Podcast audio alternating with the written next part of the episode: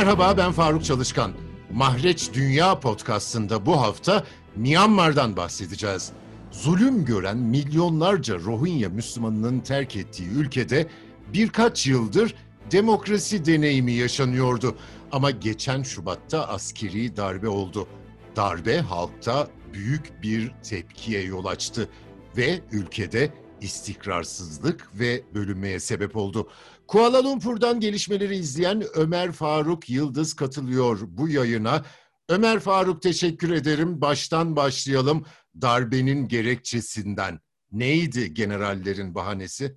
İyi yayınlar Faruk Bey.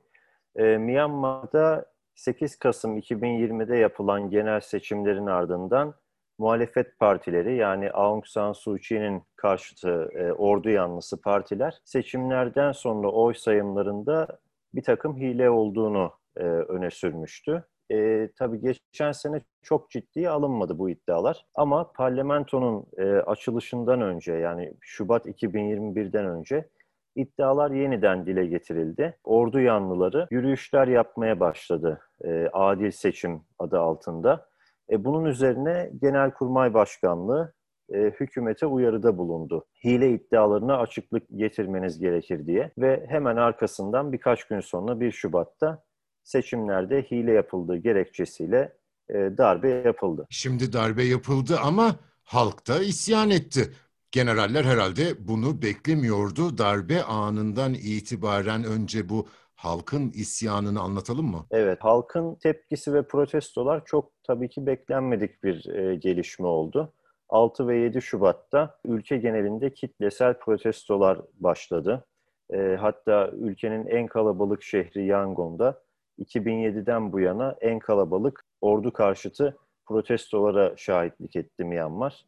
E tabi zaman içinde protestolar e, askerin sokağa inmesiyle daha kanlı bir hale büründü. İlk can kayıpları yaşandı Şubat'ın sonuna doğru ve giderek e, bu can kayıpları Mart ayında iyice arttı. E, bazı günler yüzün üzerinde sivilin öldürülmesi, bazı günler 20, bazı günler 30. Mart ve Nisan ayında genellikle e, Myanmar ordusunun protestocu sivilleri katledişini izledik.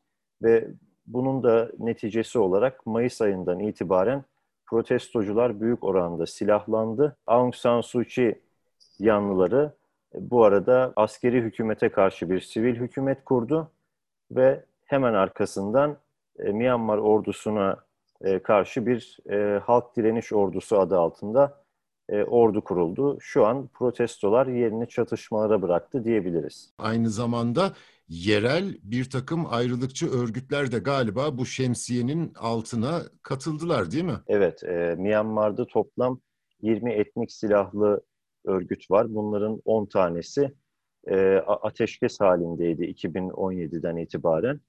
E, şu an bunların içinden yaklaşık 4 veya 5 tanesi darbenin ardından e, protestocuların sapında yer aldı diye biliyoruz.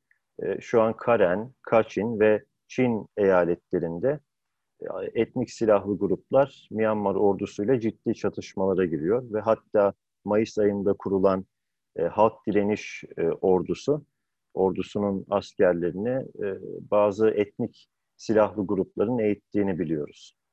Peki e, bu silahlı gruplara dışarıdan yardım geliyor mu? Onunla ilgili bilgi var mı?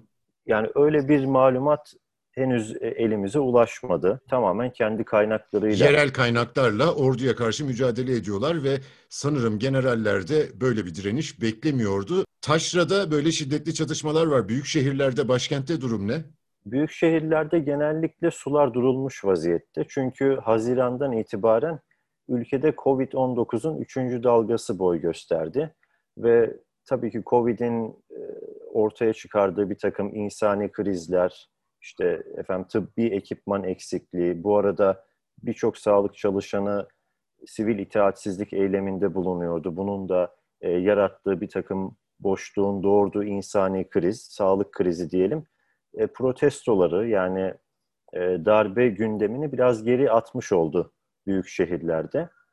Kırsalda ise e, Covid ile mücadele diye bir şey neredeyse söz konusu değil. E, yani doğru düzgün test yapılmıyor. Aşı deseniz zaten hani böyle bir şey Myanmar'da şu an yok.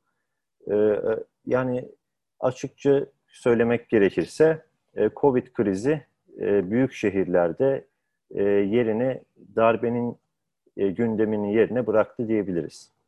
Şimdi demokrasiye geçtiklerinde Rohingya Müslümanları için bir şey değişmemişti. Zulüm devam ediyordu, kaçış da sürüyordu.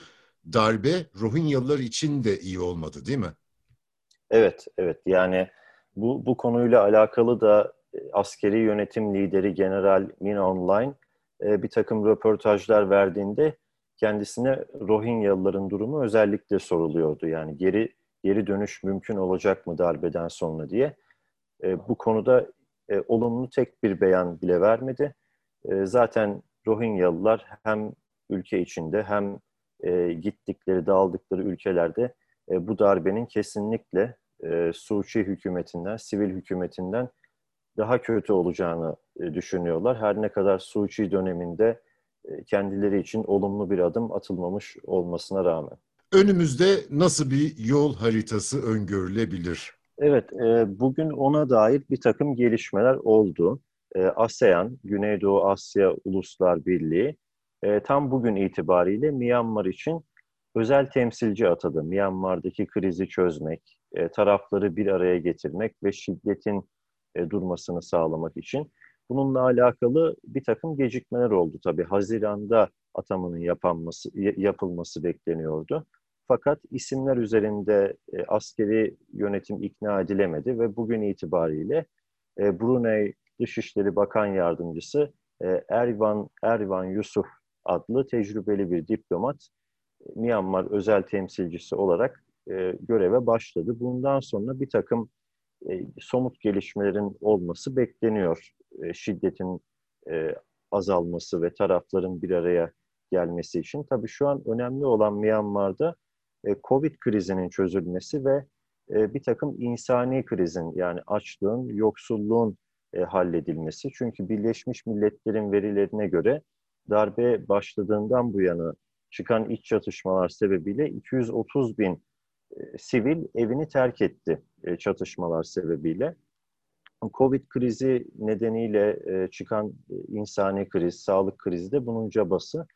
Şu an açıkçası gündem ülkede Covid e, krizini bir an evvel e, halletmek, yani doğru düzgün bir e, Covid takibi, Covid ile mücadelenin yapılmasını sağlamak ve insani yardım ulaştırmak. Tabii generaller iktidardayken de ve ülkenin de her tarafını kontrol edemezken de uluslararası yardımların nereye varacağı veya örgütlü bir şekilde dağıtılıp dağıtılmayacağı soru işareti galiba. Evet, evet. Onunla alakalı da çok büyük sıkıntılar yaşandı. E, geçen ay mesela Birleşmiş Milletler'e bağlı bir heyet e, sanırım e, Karen eyaletinde yaklaşık 5000 kişilik bir e, ihtiyaç sahibi gruba yardım dağıtmak için yola koyuldu ama e, askeri juntanın ve işte etnik silahlı grupların izin vermemesi sebebiyle yardımlar bölgeye ulaşamadı maalesef. Kuala Lumpur'dan Ömer Faruk Yıldız'a teşekkür ediyorum. Bizi hangi mecrada dinliyorsanız orada abone olmayı lütfen unutmayın. Hoşçakalın.